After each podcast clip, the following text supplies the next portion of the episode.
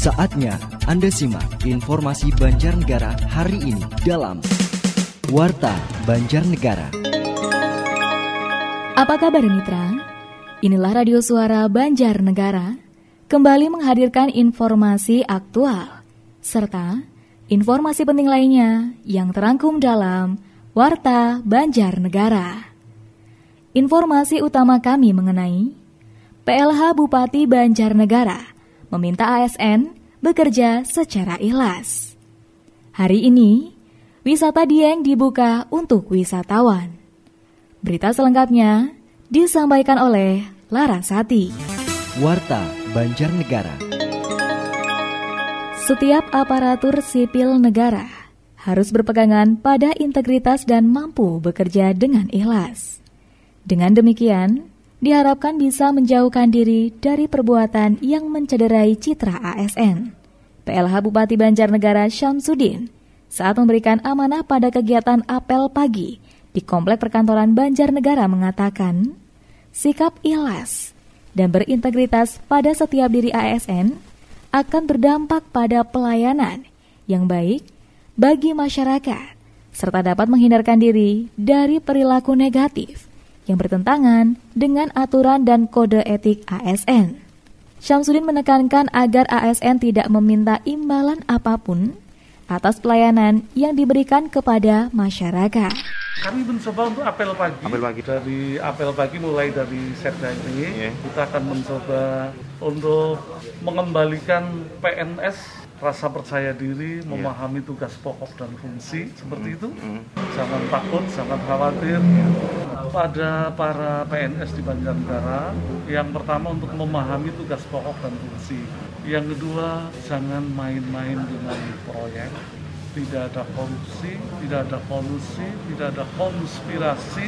Berkaitan dengan kegiatan apel pagi, Syamsuddin menilai kegiatan tersebut merupakan salah satu upaya dalam membentuk kedisiplinan dan wujud kesiapan ASN dalam melaksanakan tugasnya.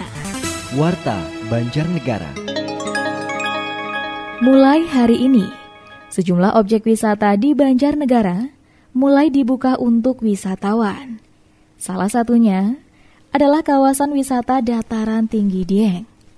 Kepala Dinas Pariwisata dan Kebudayaan Banjarnegara, Agung Yusianto mengatakan, sejumlah objek wisata mulai dibuka untuk umum pada hari ini. Dikarenakan masih dalam masa pandemi COVID-19, pihaknya mengingatkan kepada para pengelola wisata maupun para wisatawan untuk menerapkan protokol kesehatan secara ketat, mulai dari cek suhu tubuh hingga pengaturan jumlah wisatawan yang masuk ke komplek objek wisata. Selain itu, untuk kawasan wisata dataran tinggi Dieng, selain penerapan 3M yakni memakai masker, mencuci tangan dengan menggunakan sabun, dan menjaga jarak, wisatawan yang akan berwisata ke Dieng juga harus yang sudah divaksin dengan menunjukkan sertifikat vaksinasi. Saraswati, salah seorang wisatawan mengaku senang karena akhirnya objek wisata Dieng kembali dibuka untuk wisatawan. Ia juga mengaku tidak keberatan jika wisatawan harus menunjukkan sertifikat vaksin. Karena hal itu, demi melindungi wisatawan lain dari COVID-19. Eh, Candi Arjuna mau dibuka. Jadi kita bisa nge- nge-refresh otak yang tadinya kita hampir setahun ya kita gara-gara corona di rumah aja. Nah kita bisa refreshing, ya bisa nge-refresh otak lah. Jadi bisa jalan-jalan juga biar nggak terlalu jenuh di rumah. Eh, saya setuju. Jadi bisa kekontrol siapa aja yang masuk gitu. Jadi kita bisa aman, ya menjaga kesehatan, kitanya juga tenang. eh, jalan-jalannya jadi nggak nggak ada beban pikiran takut ketular corona. Karena masih dalam masa pandemi, jumlah wisatawan yang masuk ke Dieng juga dibatasi. Hal ini dilakukan agar tidak terjadi kerumunan wisatawan. Pengelola berharap wisatawan yang akan ke Dieng untuk mentaati protokol kesehatan. Warta Banjarnegara. Inspektorat Kabupaten Banjarnegara melaunching aplikasi Sistem Informasi Pendamping Hasil Pengawasan atau SIP-HP. Launching tersebut dilakukan oleh PLH Bupati Banjarnegara Haji Samsudin di Aula Seda dan dilanjutkan dengan bimbingan teknis sistem pengawasan keuangan desa. PLH Bupati Banjarnegara Syamsuddin memberikan apresiasi atas inovasi SIP HP. Menurutnya, aksi perubahan tersebut sangat bagus dan relevan dengan tupoksi inspektorat sebagai aparat pengawas internal pemerintah atau pengawas internal pada institusi lain. Dijelaskan, pengawalan terhadap pengelolaan keuangan desa merupakan bagian dari upaya untuk meningkatkan akuntabilitas penggunaan keuangan negara di desa.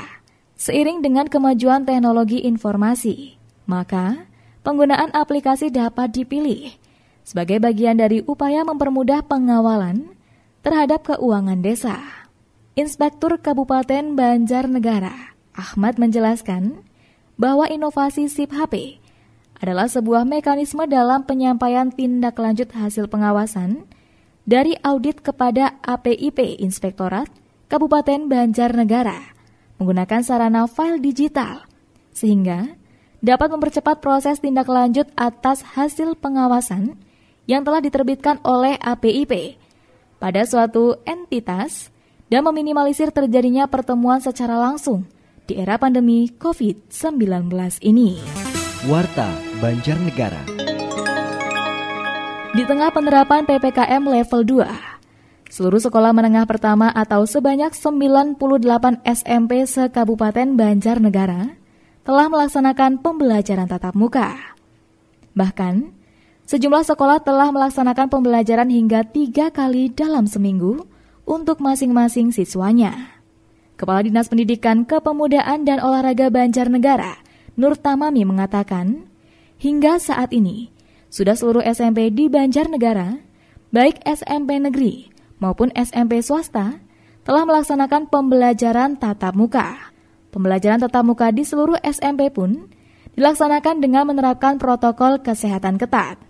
Siswa dan guru wajib menggunakan masker, mencuci tangan, dan tidak berkerumun, serta dicek suhu tubuhnya sebelum masuk ke lingkungan sekolah. Selain itu, jumlah siswa dalam satu kelas juga dibatasi hanya untuk 15 siswa per kelas. Sedangkan jam pelajaran juga dibatasi hanya 4 jam serta tidak ada waktu istirahat. Tatap muka dilaksanakan dengan protokol kesehatan yang begitu ketat dan nampaknya sekolah-sekolah lain banyak yang orang tuanya mengeluh agar supaya e, difasilitasi untuk adanya tatap muka maka kami menambah jumlah peserta. Dan alhamdulillah SMP sudah seluruhnya 98 sekolah. Artinya semua sekolah baik negeri atau swasta di Kabupaten Banjarnegara untuk SMP sudah menyelenggarakan kegiatan tatap muka. Terkait intensitas pembelajaran tatap muka menurutnya ada tiga kategori yakni ada yang satu minggu mengadakan tatap muka tiga kali, satu minggu dua kali, dan lainnya baru satu kali pertemuan dalam satu minggu. Warta Banjarnegara Sebanyak 16 formasi CPNS di Kabupaten Banjarnegara tanpa pelamar. Kepala BKD Banjarnegara Yusuf Agung Prabowo mengatakan, formasi yang kosong tersebut disebabkan tidak ada pelamar yang memenuhi kualifikasi pendidikan serta ada yang sama sekali tidak ada pelamarnya. Menurutnya, dari 381 formasi CPNS tahun 2021, ada 16 formasi yang tidak terisi karena tidak ada pelamarnya. Formasi tersebut yaitu ahli pertama Arsiparis, dua formasi, penyuluh kesehatan masyarakat formasi D3 sebanyak 12 formasi, dan pengelola irigasi D3 sebanyak dua formasi, sama sekali tidak ada pelamarnya. Karena formasi tersebut tidak ada pelamarnya, maka tidak diujikan sebagaimana formasi lainnya. Dijelaskan, dari 381 formasi CPNS yang dibuka, terdiri dari 283 formasi untuk tenaga kesehatan, 98 formasi untuk tenaga teknis lain. Adapun jumlah pendaftar dalam perekrutan CPNS tahun 2021 ini sebanyak 3.315 pendaftar. Dan peserta yang memenuhi lolos seleksi administrasi dan berhak mengikuti seleksi kemampuan dasar sebanyak 2.963 orang. Warta Banjarnegara. Demikian Warta Banjarnegara kali ini.